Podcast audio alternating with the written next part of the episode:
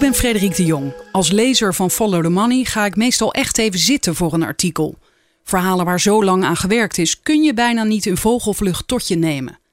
Het liefste zou ik willen dat de redacteur naast me zat om uitleg te geven. En dat is nu het geval. Welkom bij FTM Audio.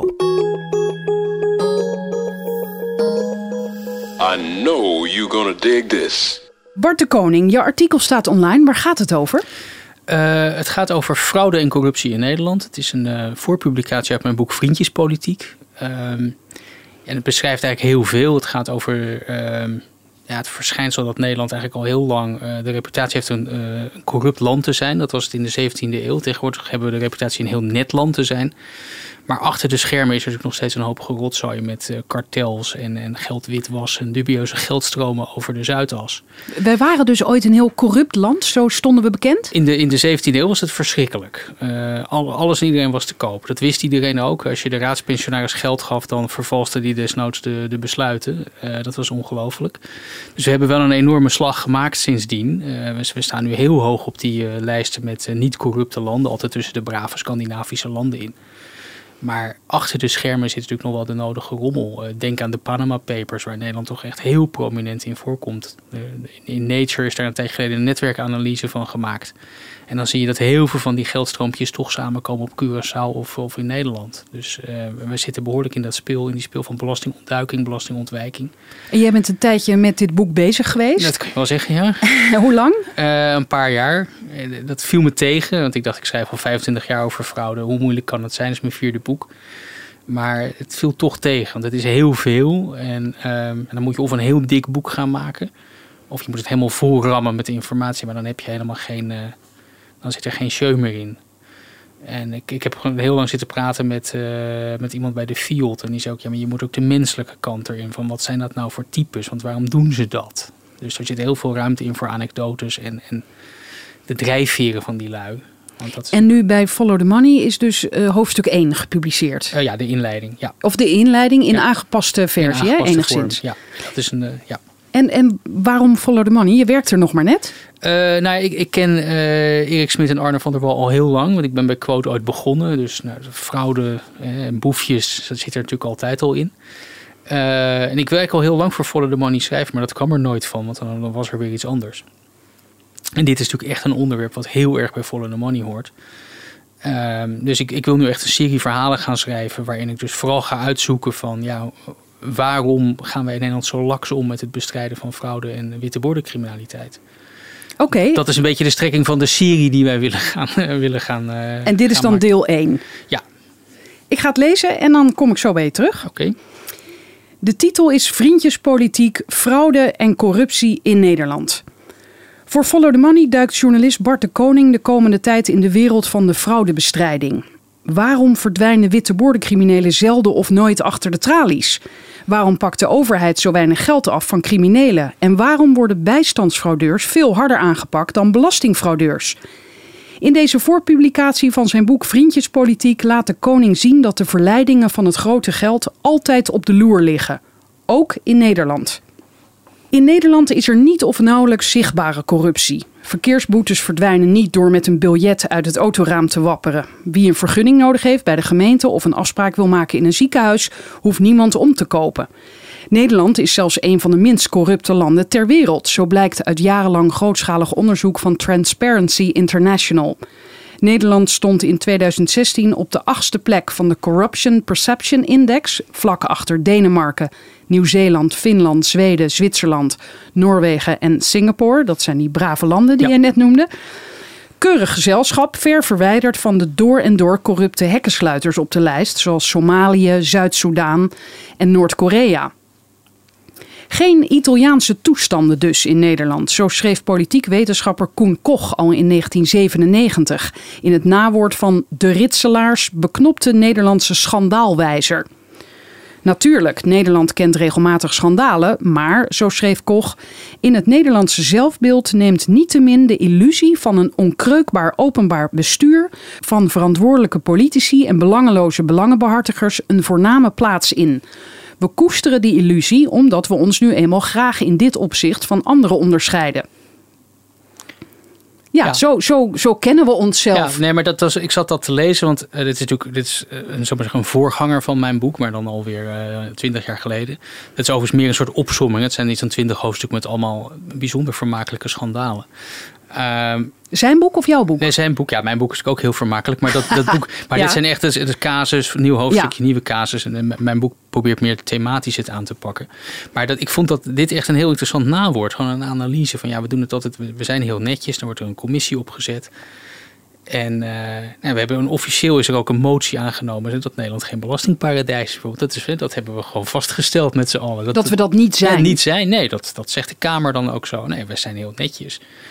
En zo zie je dat heel veel van dat soort schandalen in, in commissies eindigen of nette besluiten of wat dan ook. Van, ja, nee, het is gewoon niet zo. En ik vond het echt frappant dat dat dus kennelijk twintig jaar geleden ook al opviel. Van, oh, eh, Ja, en jij schrijft dan verder. En als er dan toch een schandaal opduikt, dan hebben we er een typische Nederlandse aanpak voor om de illusie van die onkreukbaarheid van het openbaar bestuur en dus ons zelfrespect in stand te houden. Oh nee, dit is Koch nog die dat zegt. We bouwen een dubbele verdedigingswal volgens hem. Eerst ontkennen we het schandaal, dan komt er de tussenfase van een meestal langdurig onderzoek en dan de conclusie dat er eigenlijk niet zoveel aan de hand is. Koch schreef deze woorden 20 jaar geleden op en ze zijn nog steeds actueel, zo blijkt keer op keer. Neem bijvoorbeeld belastingontwijking. Nederland heeft al heel lang de reputatie een belastingparadijs te zijn. Veel bedrijven en ondernemers, zoals Starbucks en de Rolling Stones, laten een deel van hun omzet via Nederland lopen om zo belasting te ontwijken, te ontduiken of, zoals ze het zelf altijd zeggen, geheel legaal gebruik te maken van ons gunstige fiscale klimaat. Ja. Ja, en dat zeggen zij niet alleen, wij zeggen dat toch ook van ja, dat systeem hebben wij. ja. Dat ontkennen we niet, toch? Nee, zeker niet. Maar ik heb dit zinnetje erin gezet. Ik heb het laten tegenlezen door een bevriend journalist. En die zei, ja, maar oh god, jij wil een brief van de Rolling Stones, van de advocaat. Want eh, als wij opschrijven dat de Rolling Stones hier zitten vanwege de belasting, Ja, ja. krijg je zo'n brief. Dus dan zet ik, ik heb dit er vast ingezet. Dan kan de advocaat van de Rolling Stones zich de moeite besparen. Want hij maakt gewoon geheel legaal gebruik van de fiscale mogelijkheden die Nederland biedt. Heb je al een brief gekregen? Nee, nog niet. Oké. Wel eh, post van eh, Jos van Rij die met me wil praten. En Ton Hoijmaier, zo vriendjes met me worden op LinkedIn. Dus... Ja, en even voor de luisteraar. de twee VVD-corifeeën die beide veroordeeld zijn wegens fraude. Dus, maar dat is toch mooi dat ze jou willen spreken? Ja, dat vind ik ook wel interessant. Dus- Meestal krijg je bronnen niet zo makkelijk te pakken. nou ja, nee, maar ze willen het me vast nog een keer uitleggen, denk ik. Dus, eh, Oké, dus er komt, eh, ja, sowieso ga je een serie maken, maar die komen dan misschien in je volgende artikelen. ik weet niet of ze erin komen, maar ik wil eerst wel eens luisteren naar ze. Dus, eh, Oké, andere landen lopen daardoor veel belastinginkomsten mis door dat systeem van ons. Internationale organisaties zoals de OESO klagen daar al jaren over dat ons land vrijwel niets doet tegen belastingontwijking en fraude. Den Haag heeft suggesties dat Nederland een belastingparadijs zou zijn altijd verontwaardigd van de hand gewezen. In februari 2013 nam de Tweede Kamer zelfs met 124 stemmen een motie aan van PVV-Kamerlid Roland van Vliet. Die bevestigde dat Nederland inderdaad een gunstig belastingklimaat heeft voor bedrijven. Maar dat dit, quote, geen sinds de voor Nederland kwalijke kwalificatie van belastingparadijs rechtvaardigt. De Tweede Kamer had dus officieel besloten: Nederland is geen belastingparadijs. Dat was zelfs een kwalijke kwalificatie. En toen kwamen twee jaar later de Panama Papers naar buiten. In 2015 lekte een gigantische lading interne documenten van Mossack Fonseca Co. uit. Dit juridisch adviesbureau in Panama hielp klanten uit de hele wereld om vennootschappen op te zetten in belastingparadijzen. Hoe die documenten naar buiten zijn gekomen is niet duidelijk. Volgens Mossack Fonseca Co. zelf zijn ze gehackt. In ieder geval ging het om maar liefst 11,5 miljoen gelekte documenten over ruim 200.000 vennootschappen. De Panama Papers bewezen dat Nederland wel degelijk een belastingparadijs is. En hoe? Er bleken honderden Nederlanders klant te zijn. Dubieuze geldstromen in de voetbalwereld bleken via Nederland te lopen. Bert Meerstad, de voormalige topman van de NS, moest in april 2016 aftreden als commissaris bij ABN AMRO en destilleerder Lucas Bols, omdat zijn naam was opgedoken in die Panama Papers. Mossack Fonseca overleefde dat schandaal niet en heeft zichzelf opgeheven. Oh, dat wist ik nog niet. ja, en die hebben de handdoek in de ring gegooid. Want ze konden niet doorgaan. Nee, met die naam als je zo beschadigd bent. Maar ongetwijfeld zal het, eh, die mensen die zullen zullen vast wel ergens onderdak gevonden hebben. Nee, bij andere juridische Ja. advieskantoren. Maar in het begin was het toch eh, zo dat ze, want daar werd natuurlijk naar gevraagd, gaan jullie stoppen? Toen zeiden ze nee, we gaan door. Nee, maar ik denk dat dit toch te veel. Maar ook omdat de klanten natuurlijk gek worden. Hè? Want die denken ook van ja, maar hier wil ik niet meer zitten. Want je wil natuurlijk, je zit bij zo'n club omdat je totale discretie wil en nul gezeik. En dus alleen al om die reden is het natuurlijk heel beschadigend, denk ik. Dat ons land echt een belastingparadijs is, blijkt ook uit andere bronnen. Volgens de Nederlandse bank, DNB, zijn hier bijna 16.000 bijzondere financiële instellingen gevestigd. Dus financiële holdings die uitsluitend fiscale doelstellingen hebben.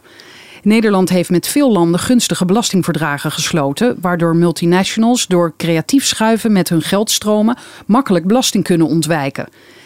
Nederland speelt een sleutelrol in zogenoemde offshore financiële centra. En er staat een plusje bij, daar kun je op klikken. Wat zijn dat? Uh, ja, offshore centra, dat is, uh, het is eigenlijk oorspronkelijk een Engelse term. En dus dat het van buiten de kust, dat je is op de Kanaaleilanden, dat Guernsey en Jersey. Maar offshore is in feite alles wat dus buiten de reguliere belasting valt. En dat, is, dat kan dus ook Bermuda, Cayman-eilanden, Seychelles, Curaçao. Oké, ja, en jij schrijft hier dat die financiële centra die worden gebruikt door multinationals om belastingen in hun eigen land te ontwijken.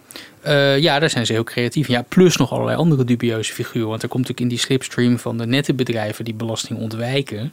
Uh, komen natuurlijk ook mensen die belasting ontduiken. Ontwijken mag, ontduiken mag niet. Wat die grens niet altijd scherp is. Dus uh, dat is een beetje het probleem daarmee. Dat je het ook een hoop foutvolk aantrekt. Ja, Computerwetenschappers van de universiteiten van Amsterdam en Leiden brachten met behulp van een enorme databank met bedrijfstransacties de internationale geldstromen tussen multinationals in kaart. Zij publiceerden hun onderzoek in juli 2017 in het prestigieuze Nature. Ja, jij verwees daar net al even naar. Het resultaat is een netwerkkaart met honderden dwarsverbanden waar Nederland prominent in het midden staat als de centrale spil in een netwerk van belastingparadijzen. Ja, en dat, dat, ja, dat is gewoon allemaal van die bolletjes en dan één bolletje in het midden. Dat zijn wij. En ik, nou, daar hoef je niet trots op te zijn. Ja, en daar zijn dus heel veel Nederlandse politici zijn daar wel trots op. Van kijk ons eens, uh, de, de, de finance-industrie en uh, dat is toch mooie werkgelegenheid. Dat is wel zo. Dat is natuurlijk wel zo, maar ja, dat, dat, die, die tactiek noemen ze in de economie beggar die neighbor. Dus de, de buren uh, krijgen dan minder belasting. Want alles wat ze, ze betalen hier dan een klein beetje, maar in Duitsland, België of waar dan ook, uh, Amerika veel minder. En daar zijn die landen ook helemaal niet blij mee. Nee, en, en dat is ook niet goed voor de reputatie van Nederland. Want ze vinden ons helemaal niet zo aardig in Brussel. Dat weten ze gewoon. Van, dan heb je Nederland weer. Die altijd dwars ligt als er eh, belastingen aangepakt moeten worden. Het onvermijdelijke gebeurde. De Tweede Kamer, die in 2013 nog nadrukkelijk stelde dat Nederland geen belastingparadijs was, stelde een parlementaire ondervragingscommissie fiscale constructies in. Een lichte variant op de parlementaire enquête. Zoals Koch 20 jaar geleden al schreef, na de ontkenning van het schandaal volgde het onderzoek. De commissie kwam in juli 2017 met haar verslag met een mooie toepasselijke titel Papieren werkelijkheid. Ze ontdekte tijdens de verhoren dat trustkantoren en belastingadviseurs een papieren werkelijkheid creëren. Met gebruik van belastingadviezen en de diensten van trustkantoren kan aan wettelijke vereisten worden voldaan zonder dat hierbij de geest van de wet in acht wordt genomen. Toezichthouders en fiscus hebben het nakijken, waardoor belastingontwijking en ontduiking makkelijker worden. De Nederlandse bank maakt zich volgens de commissie ook zorgen over de Nederlandse trustkantoren, adviesbureaus die voor bedrijven vennootschappen beheren. Dat kan om nette bedrijven gaan, maar de anonimiteit die trustkantoren bieden kan ook misbruikt worden door criminelen, zoals je net al zei, inderdaad. Nette trustkantoren zouden zelf als poortwachter de foute klanten buiten de deur moeten houden, maar dat doen ze onvoldoende volgens DNB. Dat is ernstig omdat daardoor witwassen, criminaliteit en belastingontduiking kan worden gefaciliteerd. Je wou wat zeggen? Nee, gefaciliteerd. Kortom, het ziet er van buiten allemaal respectabel uit en schijnbaar houdt iedereen zich aan de wet. Maar achter de marmeren gevels met de glimmende koperen naamplaatjes van de banken en fiscale advieskantoren zit heel wat schimmig geld verborgen. Het is een beeld dat we vaker terugzien in Nederland. We zijn minder netjes dan het lijkt. Ja, dat is het is net naar buiten gekomen, ik geloof vorige week. Dat dus, zijn er weer nieuwe lekken bij die Mossack Fonseca, nog weer oude documenten. En er zijn dus bij die parlementaire enquêtecommissies mensen van die trustkantoren die gezegd hebben: ja, maar Fonseca kent al die klanten, er is niks anoniems. En het blijkt dus dat die niet bekend zijn. Dus het zijn dus gewoon echt anonieme partijen. Dus die trustkantoren die doen gewoon zaken met partijen die zij zelf niet kennen. En dan zeggen ze: ja, maar Fonseca heeft zijn papiertjes wel op orde. Maar dat is dus ook niet zo. Ja, als je helemaal niet eens weet van wie dat geld is, hoe kan je dan garanderen dat dat. Uh, Maar iemand moet toch wel de namen hebben? Nou, kennelijk niet. Maar hoe, hoe kan dat dan? Nou, je, je, je kunt uh, in die belastingparadijs, als je dat wil, echt anoniem zijn. En uh, je kunt daar kinderlijk simpel iets oprichten. Niemand stelt vragen. Het interesseert ze ook echt niet. In Nederland moet je op zijn minst nog wel uh, aannemelijk, maar je moet een paspoort laten zien. En know your customer heet dat. En dat is tot in het absurde. Als je hier een stichting komt oprichten, dan moet je iedere keer met je paspoort. Maar kennelijk die geldstromen die daar lopen, dat kan allemaal anoniem. Maar als je dat anoniem doet en je maakt een miljoen over, je noemt geen naam, dan verdwijnt dat geld toch? Ja, maar dat, kennelijk dat is, niet. Nou ja, het verdwijnt niet. Ik bedoel, dat wordt van de ene anonieme partij naar de andere. Ik bedoel, die, die criminelen moeten ergens naartoe met hun centjes. Maar uh, gebeurt het dan onder nepnamen, bedoel je? Er moet toch een ja, naam is wel een naam. worden? Alleen het waar het natuurlijk om gaat natuurlijk is dat je, dat je, je, je wil weten wie de, de, de, de UBO is. Dus die uh, Ultimate Beneficiary Owner. Dus dat is de echte eigenaar. Dus dat is dan gewoon, ja, uh, Impex BV of zoiets. En Ja, die ja. zit daar dan achter. En daar zit dan weer een limited achter en daar weer een holding. En dan kom je uiteindelijk in de Seychelles uit. En dan weet je nog niet wie erachter zit. Maar er zit natuurlijk altijd een vent achter die, die, die met dat geld aan het schuiven is. En als je dat niet weet als trustkantoor wie dat is, ja, dan, dan ben je aan de goden overgeleverd. Want dan weet je niet voor wie je werkt.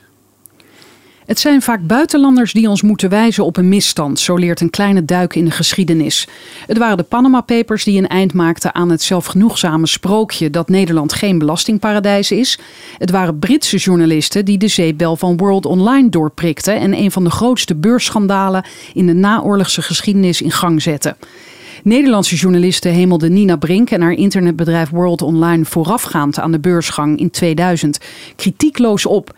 Britse journalisten lazen als eerste het prospectus kritisch, waarin gewoon stond dat Brink een deel van haar aandelen al had transferred, is overgedragen, lees verkocht, staat hier tussen haakjes, voor de beursgang. Een oprichter-eigenaar die al casht voordat het bedrijf naar de beurs gaat, is natuurlijk slecht nieuws.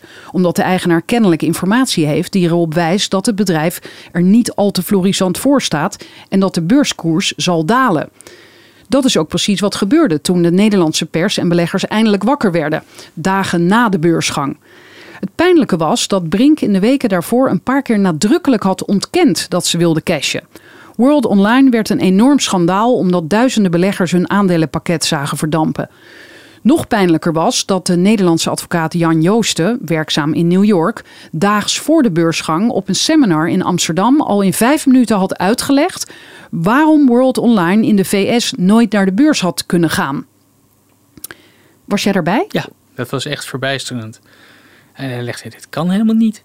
Je mag geen reclame maken. Uh, dat is gewoon verboden. Je mag, je mag in de, de, periode voordat je naar de beurs gaat niet nog even gaan lopen. Wij zijn een fantastisch bedrijf. Je mag alleen maar van die echt ontzettende juridische informatie geven met 20 disclaimers erachter. Het was gewoon, het is ongelooflijk. Dit is gewoon weer Nederland Bananenrepubliek. Van, je gaat hier op een hele amateuristische manier reclame maken voor, een, voor, een, voor aandelen. In, in, Amerika hebben ze dat soort flauwekul al lang verboden. Van, je mag niet allemaal uh, nog vlak voor de beursgang nog allemaal joegij reclamecampagnes gaan maken. En dat vond ik het pijnlijke, dat hij gewoon zegt, ja, maar dit kan helemaal niet. Dit is in grote mensenlanden gewoon verboden. En uh, zo, zo moet je het uh, lezen. En hoe is dat toen naar buiten gekomen? Ja, wel stukjes in de krant. Maar ja, toen, toen was dus, zaten we midden in die hype. En toen onmiddellijk daarna ontplofte het. Dus dat was maar jij beetje... dacht, hoorde jij toen ook bij de niet-kritische journalisten? Ja, ik had er helemaal niet over geschreven, want het was buiten mijn portefeuille. Ik zat altijd een beetje op de overheid. En ik, ik maar wat deed je dan bij dat seminar? Ja, ik kende Jan ergens van. Ik had hem wel eens geïnterviewd. Ik vond het gewoon leuk om erbij te zijn. Gewoon, ik schreef veel over de advocatuur en zo. Dus ik zat er een beetje zijdelings, kwam ik het tegen. Ja, je wil dat natuurlijk, eigenlijk had je dat natuurlijk moeten hebben als journalist die over World Online schrijft. Je, nou hebben we een scoop, maar het was eigenlijk al te laat, hè? want het, uh, het hele circus draaide al. Ja, hier schrijf je ook: het prospectus deugde niet en uitgebreide reclamecampagnes vlak voor de beursgang zijn in Amerika verboden. Ja. Brink hield vol dat ze niemand had voorgelogen. Transferred stond echter wel in het prospectus. Een strafrechtelijk onderzoek van het OM leverde niets op. Of neem de bouwfraude die Zembla in 2001 onthulde. Nederland stond decennia lang bekend als een kartelparadijs. Ondernemers in talloze branches, van kerkkaarsen en fietsen tot asfalt, hadden via vaak officieel goedgekeurde kartels de markten onderling verdeeld en prijsafspraken gemaakt. Het was de Europese mededingingswetgeving die in 1998 een eind maakte aan het Nederlandse kartelparadijs. Drie jaar later kwam de grote bouwfraude aan het licht, waarbij bleek dat Nederlandse aannemers onderling prijsafspraken hadden gemaakt en daarmee hun opdrachtgevers honderden miljoenen guldens te veel hadden laten betalen. Uit hoorzittingen van de Amerikaanse Senaat was in 1976 duidelijk geworden dat vliegtuigbouwer Lockheed een very high Dutch official had omgekocht. Dat bleek prins Bernhard te zijn. Maar voordat de regering dat openlijk durfde te zeggen, moest er eerst een onderzoek komen door een commissie van wijze mannen.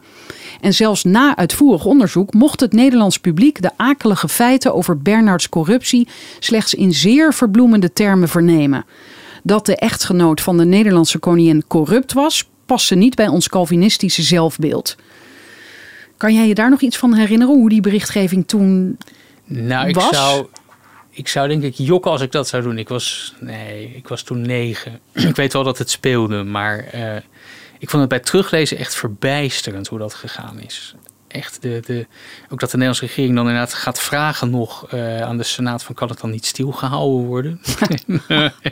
echt bizar. Die lakeienmentaliteit van oh, die hielenlikkers, we moeten de prins beschermen. Oh joh, ik vind dat iets ergs. Ik vind die hielenlikkers erger dan het koningshuis zelf. Oh, dat alles doen om ze uit de wind te houden. Maar inderdaad zo'n commissie erop. En dan pas veel later komt er naar buiten dat hij zich ook nog door andere clubs heeft laten omkopen en zo. Het is... eh, En hetzelfde is natuurlijk ook met die, met die, met die kartels. Bedoel, daar is natuurlijk ook een fijne commissie, een onderzoek, parlementaire enquête. Ja, en dan hebben ze een klein bedragje mogen aftikken van een paar honderd miljoen. Het was dan weer de bouwfraude. En ondertussen blijkt er ook nog een, een asfaltkartel gewoon doorgelopen te hebben. En daar zijn ze ook gewoon makkelijk mee weggekomen. Ik vind dat echt heel verbazingwekkend hoor. Ik weet nog dat eh, ik, ik woonde in die tijd in Italië. Eh, voordat ik ging studeren. En daar heb ik nog bij hoog en laag staan beweren tegen Italianen. dat wij geen corruptie hadden in Nederland. Wist ik veel. Ik was 18. En toen daarna kwam die bouwfraude Ja, naar ja. buiten. Toen stond ik ook wel even te kijken. Ja, maar dit is inderdaad niet die kleine corruptie. Want ik heb dat in het begin dat voorbeeld van je hoeft hier niet met een biljet uit het raam te wapperen. Dat is een eh, goede vriendin van mijn vrouw, die heeft Indiaanse roots. En die had een keer een tante hier over de vloer. Toen waren ze tegen het verkeer ingereden door de politie eh, aangehouden. En toen stak zij dus een bankbiljet uit het raam. Nee, dat moet je niet doen in Nederland. Dat is... Maar die was dat echt zo van, oh, rot eens op met je bekeuring. Ehm, dus dat hebben we inderdaad niet. Maar we hebben natuurlijk wel ja, wat ze noemen collusie. Hè? Dus dat echt dat samenwerken tussen die, die bedrijven en de overheid. En, en dat eigenlijk iedereen dat wel oké vindt. Want het, het was natuurlijk. Het kan natuurlijk nooit echt helemaal geheim ge- zijn geweest, dat kartel. En, dat de as, oh, en die asfaltfraude. Ik bedoel, het, het asfalt was hier 40% duurder hè, dat dan in België en in Duitsland. Dat heeft de Europese Commissie vastgesteld. Het kan natuurlijk niet waar zijn dat 40 procent. 40 procent. Ja, dat kan natuurlijk niet waar zijn dat die ambtenaren van Rijkswaterstaat dat al die jaren niet doorgehad hebben. Maar dat kwam dus door die prijsafspraken. Dat kwam die prijsafspraken. Dat was een officieel kartel, was door de Nederlandse overheid ingesteld. En Op een gegeven moment is het verboden, want toen mocht het niet meer van Brussel. Maar toen ging het natuurlijk gewoon door. Maar er zaten Shell in, Esso, eh Ballast Nedam, nou goed, al die grote wegenbouwers. En die zijn er nog vrolijk mee doorgegaan. Heijmans. Terwijl dus de bouwfraude al geweest was en ze al beloofd hadden, we stoppen ermee. Ja, en ik vind het dan ongelooflijk dat er, dat er dus geen schadeclaims zijn ingediend, ook door de staat. Want dat mag, hè? dat is een hele mooie Europese wetgeving. Dus als de Europese Commissie een kartel heeft vastgesteld, kun je met die kartelbeschikking kun je gewoon een civiele schadeclaim indienen. Je zegt van vrienden, jullie zijn te grazen genomen. Dit is het bewijsmateriaal, zo'n map. Wij willen ook nog even ons geld terug. Dat is gewoon niet gebeurd. Ik, ja, eh, en, en dat is... Is dat onderdeel, denk je, van dat ontkennen? Dus Ja, eerst kan je niet geloven dat Ja. het waar is. En als je hoort dat het waar is, dan nog denk je, nou ja, laat maar. Ja, allemaal nette mensen, want dan zijn er toch weer. eh, ja, eh, wat moet je dan gaan doen? Moeten we dan echt al die bouwers en moeten we dan die grote oliebedrijven? De helft heeft koninklijke voor zijn naam staan. En blijft de economie dan nog wel draaien? Ja, dan krijg je altijd oh, werkgelegenheid. Nou, dan springt er altijd over iemand in het gelid in de Tweede Kamer van... oh ja, nee, natuurlijk de werkgelegenheid. Ja, het is natuurlijk flauwekul. Je kunt een bedrijf als Shell of Esso best een paar honderd miljoen uit de zak kloppen. Die vallen heus niet om. En ehm, ik, dat is echt zo'n typisch geval van too big, too fail, too big, too jail. Van ja, als we dat allemaal terug moeten gaan halen, die schade. Maar ik vind het ongelooflijk, het fanatisme waarmee bijstandsmoeders tot de laatste euro achtervolgd worden en kapot gemaakt worden. Jij mag niet frauderen. Maar dan denk ik, ja, als je het voor een paar honderd miljoen doet in, in, in het volle zicht. Ja, dan is het kennelijk, ja, dan ben je zo groot. Dat gaan we dan maar niet meer, eh, niet meer afpakken. Ik vind het heel raar. Internationale organisaties als de OESO e klagen al jaren dat Nederland te weinig doet om fraude, corruptie en belastingontduiking aan te pakken. Daar lijken ze wel gelijk in te hebben. Naar schatting worden er sinds de oorlog tamelijk constant zo'n 15 tot 20 strafzaken per jaar gestart wegens bestuurlijke corruptie en fraude. Dat levert tussen de 1 en 7 veroordelingen per jaar op. De Algemene Rekenkamer stelde na een onderzoek in 2013 vast dat de verantwoordelijke ministers geen inzicht hebben in de voornaamste witwasrisico's voor Nederland en ook niet in de resultaten van de witwasbestrijding. De Algemene Rekenkamer ziet al jaren een golfpatroon in de aandacht voor fraudebestrijding. Ze zeggen daarover in de afgelopen decennia is er wel vaker sprake geweest van verhoogde aandacht voor het thema fraude, gevolgd door een periode van minder gerichte belangstelling. Al in 1979 werd de interdepartementale stuurgroep misbruik en oneigenlijk gebruik ingesteld. In die tijd speelde de noodzaak de toenemende kosten van de collectieve voorzieningen te matigen. Ook in later jaren vormden bezuinigingsoverwegingen een aanleiding om een impuls te geven aan het tegengaan van fraude, steeds gevolgd door verminderde aandacht. Het beeld is duidelijk. De kans om in Nederland gepakt te worden voor fraude of belastingontduiking is klein. Ook in grote schandalen, zoals de corruptiezaak tegen Jos van Rij, Vestia, de boekhoudfraude bij Ahold of het RDM-schandaal bij het Rotterdamse havenbedrijf, worden de hoofdrolspelers zelden of nooit tot celstraf veroordeeld. Vaak is de overweging van de rechters in het vonnis dat de prominente daders al genoeg schade hebben opgelopen door alle negatieve publiciteit. Ja, dat is natuurlijk heel zielig dat ze dan genoemd worden. Hoewel dat wel minder aan het worden is. er zijn nu in die Vestia-zaak ook net een paar eh, flinke straffen uitgedeeld. Dus het is wel een klein beetje aan het veranderen. Die het wordt minder meegewogen. Uh, ja, van ja, het is zo zielig, want ze hebben al in de krant gestaan. Dat, uh, het is nu langzamerhand wel doorgedrongen bij de rechtelijke macht. Van ja, luister eens, als je zo'n grote speler bent, dan hoge bomen vangen veel wind. Daar moet je niet over zeuren. Ehm, ik geloof dat die Marcel de Vries van Vestia net drie jaar heeft gekregen of zo. Dus dat, dat, is, dat is dan wel fors. Maar dat is echt vrij recent hoor. Want tot een paar jaar geleden moest je echt hele gekke dingen doen om, uh, om achter de tralies te belanden.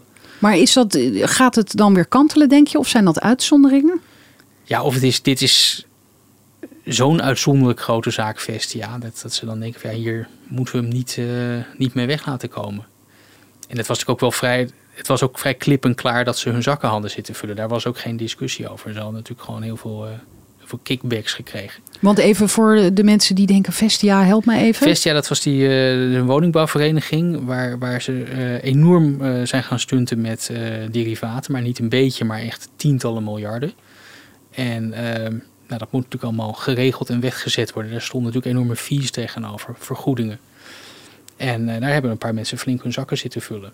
En een van die mensen is net, uh, net veroordeeld dus. Maar ondertussen dat heeft ze bijna de hele sector omver getrokken. Hè? Want die, die woningbouwverenigingen staan ook garant voor elkaar. Dus als dat was misgegaan, nou, dan uh, hadden we met z'n allen hadden een heel groot probleem gehad. Toch lijkt het erop dat de buitenlandse druk begint te werken en de Nederlandse autoriteiten in actie komen.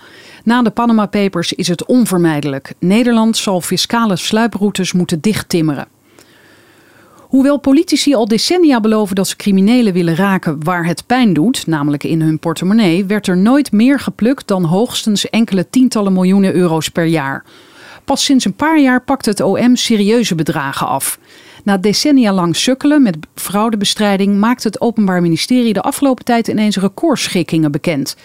De OM maakte in 2015 bekend dat de Schiedamse onderneming SBM 240 miljoen dollar moet betalen wegens omkopingspraktijken in Brazilië, Angola en Equatoriaal Guinea. SBM is een offshore bedrijf dat opslag- en productieplatforms levert voor oliewinning op zee. De directie had een tip binnengekregen dat een vertegenwoordiger van het bedrijf in Equatoriaal Guinea overheidsfunctionarissen omkocht. Het had daarop zelf een onderzoek ingesteld en de zaak in Nederland bij het OM gemeld. In 2016 volgde een nog grotere klapper. In februari maakte het OM bekend dat het een schikking van 397,5 miljoen dollar had getroffen met Vempelcom. Dit internationale telecombedrijf, een van de zes grootste ter wereld, had zich schuldig gemaakt aan omkoping en valsheid in geschriften bij het betreden van de Oezbeekse telecommarkt. Tegelijk trof het bedrijf een precies even grote schikking met de Amerikaanse autoriteiten. In totaal dus 795 miljoen dollar aan boete en afpakresultaat. Het bedrijf is genoteerd aan de Amerikaanse Nasdaq Global Select Market beurs in New York, maar fiscaal sinds 2010 gevestigd in Amsterdam. Vandaar dus dat het door justitie in zowel de VS als in Nederland in de tang werd genomen. De motivatie die het OM in zijn persbericht geeft om Vimpelcom zo hard aan te pakken, is de moeite waard om wat uitgebreider te citeren. Corruptie wordt internationaal bestreden. Door een internationale aanpak wordt duidelijk gemaakt dat corruptie niet wordt getolereerd en dat er hoge straffen worden opgelegd. Vimpelcom profiteert door de vestiging in Amsterdam van het gunstige vestigingsklimaat in ons land. Het bedrijf moet zich aan de Nederlandse wetten en regels houden, ook bij handel in het buitenland. Corruptie vormt een ernstige aantasting van de integriteit van overheden met grote morele en politieke gevolgen. Corruptie tast de vrije marktwerking aan en vormt een bedreiging voor de internationale stabiliteit. Einde citaat. Dat is klare taal die duidelijk maakt dat het OM eerder dan de Tweede Kamer begreep welke risico's het gunstige belastingklimaat in Nederland met zich meebrengt. Ja, dit is dus ook een recente ontwikkeling eigenlijk? Uh, nou ja, die, die, die hoge boetes wel ja. Uh, dat is op zich gunstig, maar je kunt je natuurlijk wel afvragen. Uh, waarom is dat dan de afgelopen decennia niet gebeurd? Want wat hebben we dan allemaal laten lopen, joh? Dus, eh, en, en, deze mensen hebben, het natuurlijk gewoon, het is, nou, dat schrijf ik ook, het komt natuurlijk als gebraden duiven binnengevlogen, deze zaak. Want het, de SBM heeft zichzelf gemeld, keurig. Uh, vermoedelijk omdat ze dachten, het houden we toch niet stil, dus dan kunnen we het maar beter zelf melden. En Vimpelcom is natuurlijk gewoon door de Amerikanen gestart. Dus dat is hier gewoon aftikken.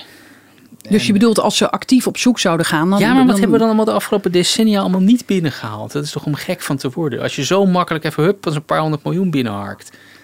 Ja, daar kan je leuke dingen mee doen op de begroting. Maar jij hebt daar ook geen antwoord op waarom we dat hebben laten liggen. Nou ja, omdat er geen belangstelling voor was. Ja, ja maar waarom was er geen belangstelling? Omdat kennelijk uh, dit soort hele. Ja, dit, dit soort fraude op, op, op hoog niveau.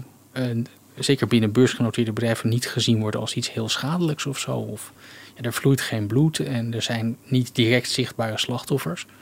Die zijn er natuurlijk wel, want, want de burger in Brazilië is slachtoffer van corruptie. En net zo goed als de burgers in Oezbekistan ook slachtoffer zijn van corruptie. Want die krijgen een inferieur telefoonnetwerk of te hoge tarieven. Want iemand moet dat natuurlijk betalen uiteindelijk.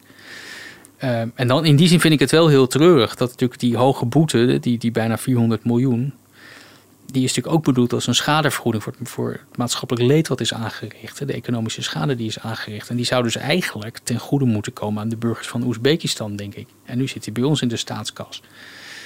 Dat is prima. Ik, vind het ook fijn dat wij die 400 miljoen hebben. Maar eigenlijk is het klopt bestemd. dat niet, ja. Het, moreel klopt het niet. Dus dan, dan, hebben we eerst van die gasten geprofiteerd door ze een fiscaal gunstige regeling aan te bieden dat ze op de Zuidas gaan zitten in plaats van dat ze in Oezbekistan zitten of waar dan ook.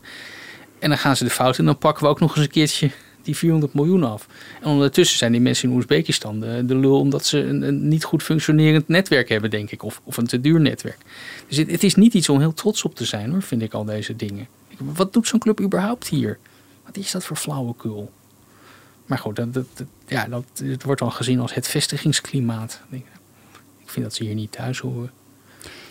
Het OM moet nu laten zien dat het deze harde lijn ook op eigen kracht kan voortzetten. Al met al is het duidelijk dat de autoriteiten de afgelopen decennia heel geleidelijk aan strenger zijn geworden. Ter illustratie, in 1980 werd Joep Galliard, Heet hij zo? Ja, Joep Galjard. Ik weet nooit hoe Galjard. Ja, ik denk Als eerste Limburgse politicus vervolgd wegens corruptie. Hij had als burgemeester van Gulpen geld aangenomen van een aannemer. Ondanks een veroordeling tot twee maanden voorwaardelijk mocht Galjard aanblijven als burgemeester en kreeg hij eervol ontslag. Het zou nu ondenkbaar zijn dat een politicus na een veroordeling blijft zitten. Ja, jij, jij lacht nu een beetje. ja. maar dat is een geweldig verhaal. Want destijds was het OM waar echt bijna wanhopig in Limburg. Van waar moeten we eens beginnen in deze bananenrepubliek? En dat, die officier die hem te grazen heeft genomen, die, die heeft ook wel eens gezegd in een interview dat hij, als hij dan, het is prima als hij achter uh, uh, koppelbazen en zo aanging, maar zodra hij dus echt aan dit soort corruptie begon, dan kreeg hij tegenwind. Hij werd hier gebeld door een burgemeester. Die zegt, wat doet u in mijn gemeente? Als ze een inval hadden gedaan. Hij zegt van, ja hallo, wij, wij runnen dit wel eventjes hier. Hè? Dus uh, dat is wel veranderd hoor. Dus dat is wel goed. Even kijken hoor. Dus waar was ik gebleven? Het, ja, jij zegt dus inderdaad, het zou ondenkbaar nu zijn dat een politicus na een veroordeling blijft zitten. Zelfs wie nu slechts onderwerp is van een onderzoek, al dan niet strafrechtelijk, treedt op zijn minst tijdelijk terug. De lat is dus flink hoger komen te liggen. Toch blijft Nederland in sommige opzichten een merkwaardig koppig land. Zo heeft de Tweede Kamer ondanks internationale kritiek nog steeds geen gedragscode voor Kamerleden en kwamen er pas vorig jaar regels voor lobbywerk door oud-politici. En dat terwijl de verleidingen van het grote geld altijd op de loer blijven liggen. Integriteit is nooit vanzelfsprekend. Daar eindigt jouw artikel. En er staat inderdaad onder: dit is de ingekorte en bewerkte inleiding van jouw boek Vriendjespolitiek. Dus dit is nog maar het begin van je verhaal. Ja, nee, want hierna gaat het los. Uh, ja, nee, dat is inderdaad dat is heel raar in de Tweede Kamer. Er is natuurlijk een, een stortvloed aan regelgeving over Nederland uitgestort. Uh, strenger straffen en allemaal controlemaatregelen. Maar de Kamer heeft voor zichzelf niet een echte serieuze uh, gedragscode. Wel, wel regels. Maar een van die dingen is bijvoorbeeld van ja, wat doe je met draaideurfuncties? Hè? Mag, je, mag je voor een bedrijf gaan werken waar je als Kamerlid ook druk voor hebt gemaakt? Nu mag dat gewoon. Ja, dat zien we gebeuren. En dat is, dat is best raar. Een Kamerlid die bijvoorbeeld vaak met uh, een Uber-taxi uh, reist en daar ook over twittert. En die duikt dan ineens op als uh, hoofd public affairs van die club, denk ik. Dat is ook raar. En ehm, bewindslieden, ja, ik vind bijvoorbeeld dat die Camille Eurlings ineens bij de KLM zat, vind ik raar. Je bent eerst minister van Verkeer en Waterstaat. Nou, en dat, is, dat ben je gewoon een vooruitgeschoven post van de luchtvaartlobby, want dat is altijd de BV Schiphol vooruit. En dan ben je ineens, uh, zit je bij de KLM. Ik vind dat raar. En daar zouden we best eens over na mogen denken. Om dat eens een keer goed te regelen. Van ja, wat mag nou wel, wat mag nou niet. Want je, het is natuurlijk prima dat mensen een baan vinden na afloop. We willen ook niet dat ze op het wachtgeld gaan zitten. Maar bedenk nou eens na over wat dan wel en niet mag. Welke functies wel en hoe lang je moet wachten. Ja, precies. Of we maken dan een aantal jaar van. Van pas na drie jaar of zo kan je in diezelfde ja, branche terugkeren. wanneer kan je dan gaan lobbyen? Follow the Money heeft ook wel eens een verhaal gehad over, over Annemarie Joertsma. Die dan... Uh, ook nog weer commissaris bleek te zijn bij een of ander bedrijfje in het luchtvaartcluster. En, en nou, ze heeft natuurlijk zelf als minister uh, een enorm cadeau gedaan aan de luchtvaartlobby door die, door die JSF hier naartoe te halen met een enorme zak geld erbij. Dan is natuurlijk toch een beetje raar als je dan commissaris bent bij een bedrijfje en dan, ja, dan ga je ook weer zaken doen. Dat moet je gewoon niet doen. Jij stelt deze vragen allemaal in je boek en je probeert ze te beantwoorden. Hoe, hoe word jij eigenlijk uh, bejegend door mensen die, die uh, jouw artikel lezen of je boek hebben gelezen? Uh, nou, de meeste Als eenzame strijder? Of, nee, nee, nee, de meeste mensen zijn het er wel mee eens. Uh, ja, maar dat is ook weer zo raar. Dan gaan we allemaal zeggen, ja, goed punt, goed punt. Maar, maar, maar, gaan we nog wat doen? Of? Ja, dat, dat, dat is wat ik de komende maanden wil gaan beschrijven. Want um, we zijn natuurlijk al heel lang bezig met het idee van... we moeten ze nou eens goed... Hè, we moeten die, die fraudebestrijding serieus op poten zetten. Wacht, wie zijn we in, nou, we, ja, Nederland als geheel. Want ja, de Kamer wil dat. En je, je hebt een je kunt een hele bibliotheek uh, is er volgeschreven met een aanpak van we gaan de fraude nu aanpakken, we gaan ze nu kaal plukken. En het komt maar niet echt uit de verf. En dat komt gewoon omdat we voor een heel groot gewoon ook te weinig financiële speurders hebben. De field is heel goed, maar dat, die kunnen natuurlijk lang niet alles aan. Politie heeft veel te weinig financieel specialisten. Uh, het is allemaal heel versnipperd. Uh, dus ja, dat, het blijft altijd een beetje hangen. In, in, die kennis zit overal verspreid door heel Nederland. Maar er is niet echt één beeld van, van waar zit nou de fraude en hoe moeten we dat nou aanpakken. Het is heel moeizaam om, om ja, dat, dat soort complexe... Als je ziet hoe, hoe moeizaam het is om één zo'n zaak uit te zoeken. Dat, ja, er zijn officieren van justitie die hebben nog tien andere dossiers, die moeten dat er even bij doen. Dat is ook de reden waarom ze heel snel schikken vaak, hè? omdat ze dan hebben tenminste wat. Want uh, stel dat je niet zou schikken met de SBM en de SBM zegt nou we gaan terugvechten, nou, dan zetten ze er tien advocaten op. En dan moet één officier van justitie, die moet dat bij spreken part-time gaan doen. En hoe moet je in Jezus naam gaan bewijzen dat er iemand is omgekocht in, uh, in Afrika of zo, of in Brazilië. Daar hebben we helemaal geen onderzoekscapaciteit voor. Dus dan is het wel prettig als een bedrijf het zelf uitzoekt. Die huren dan zelf onderzoekers in, onderzoekers. En die komen dan met een rapport. Dan denk ik, nou, mooi. Dat kan je zo inkoppen als, als uh, officier van justitie. Maar het is geen veroordeling. En als zo'n bedrijf het niet doet, ja, dan gebeurt het ook niet, denk ik. Dus dat is wel lastig. Maar uiteindelijk is het een kwestie van, van, van, van hele goede uh, rechercheurs in dienst nemen. Dat is eigenlijk het enige wat helpt. Want er is natuurlijk een enorm geloof in big data. En dan gaan we bestandskoppelen en zo. Maar dat, levert nog niks op als je er niet over nadenkt. En niet de juiste rechercheurs erop zet. En daar kan de Tweede Kamer wel iets aan bijdragen door te zeggen: we moeten daar meer mensen op zetten. Oftewel, er moet meer geld naartoe. Ja, nou, er gaat nu 100 miljoen naar uh, zo'n ondermijningsfonds. Maar dat is natuurlijk niet alleen dit, dat gaat dan natuurlijk ook over. Uh, Wat is dat voor fonds? Ja, er is net 100 miljoen vrijgemaakt om ondermijning aan te pakken. Dat is dan dat is een soort fonds, ik geloof onder leiding van Peter Nordanus, een, een oud PvdA-politicus. Ja, ondermijning is een beetje zo'n modewoord. Ik zie het, het is een beetje hetzelfde ook vaak als, als georganiseerde misdaad. Hè? Dus die wietjongens die met geld uh, op stap gaan. Het is weer niet helemaal hetzelfde als witte boordencriminaliteit. Het is natuurlijk een beetje onduidelijk. Ja, wat zijn we nou aan het bestrijden en waar gaat dat geld dan echt naartoe? Want ja, als je er niet heel veel mensen voor gaat aannemen, loopt het weer vast, denk ik. Maar goed, die 100 miljoen, dat, dat is goed. Dat is goed, ja. Maar ja, je moet altijd zien, dat wordt al toegezegd in Den Haag. En, dan moet je ook nog maar zien dat het ook echt op de plaats van bestemming komt. Maar daar ga jij bovenop zitten, toch? Dat is wel de bedoeling, ja.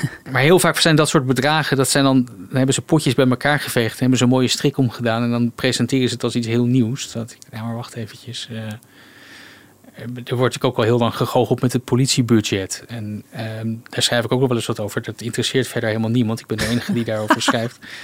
Maar ja, als je gewoon in de politiebegroting leest, dan zie je dat ze gewoon ieder jaar heel veel geld tekort komen. En dat lenen ze dan bij het ministerie. Dan denk ik, ja. En ze moeten ondertussen moeten ze hun, hun vastgoed verkopen. Ja, als je het bij een bedrijf zou doen, als het wat zou gebeuren bij, bij uh, de HEMA of zoiets, zou je zeggen, dat is asset stripping. Je verkoopt het om het goed en je stout het vol met schulden. Maar dat is natuurlijk een manier om, om toch bij bestaan bij lage budget of bij ja, uh, gelijkblijvende budgetten uh, de politie gewoon in de lucht te houden. Terwijl ze eigenlijk geld aan het lenen zijn. Dus ik ben altijd een beetje sceptisch over, daar komt extra geld bij. denk ik, ja, maar is het ook echt zo? Of, of waar, waar blijft dat dan? Gaan we daar echt mensen voor aannemen? Ik weet het niet. Nou, misschien gaan we het lezen in je volgende artikelen. We gaan daarmee aan de slag. Ja. Dankjewel. Ja, graag gedaan. Tot zover FTM Audio. Ga voor meer geschreven verhalen naar ftm.nl. Ik meld me snel weer met een audioartikel. Dag! Wil je weten wanneer er een nieuwe aflevering van FTM Audio online staat? Ga dan naar ftm.nl/slash Frederiek en abonneer je op mijn nieuwsbrief.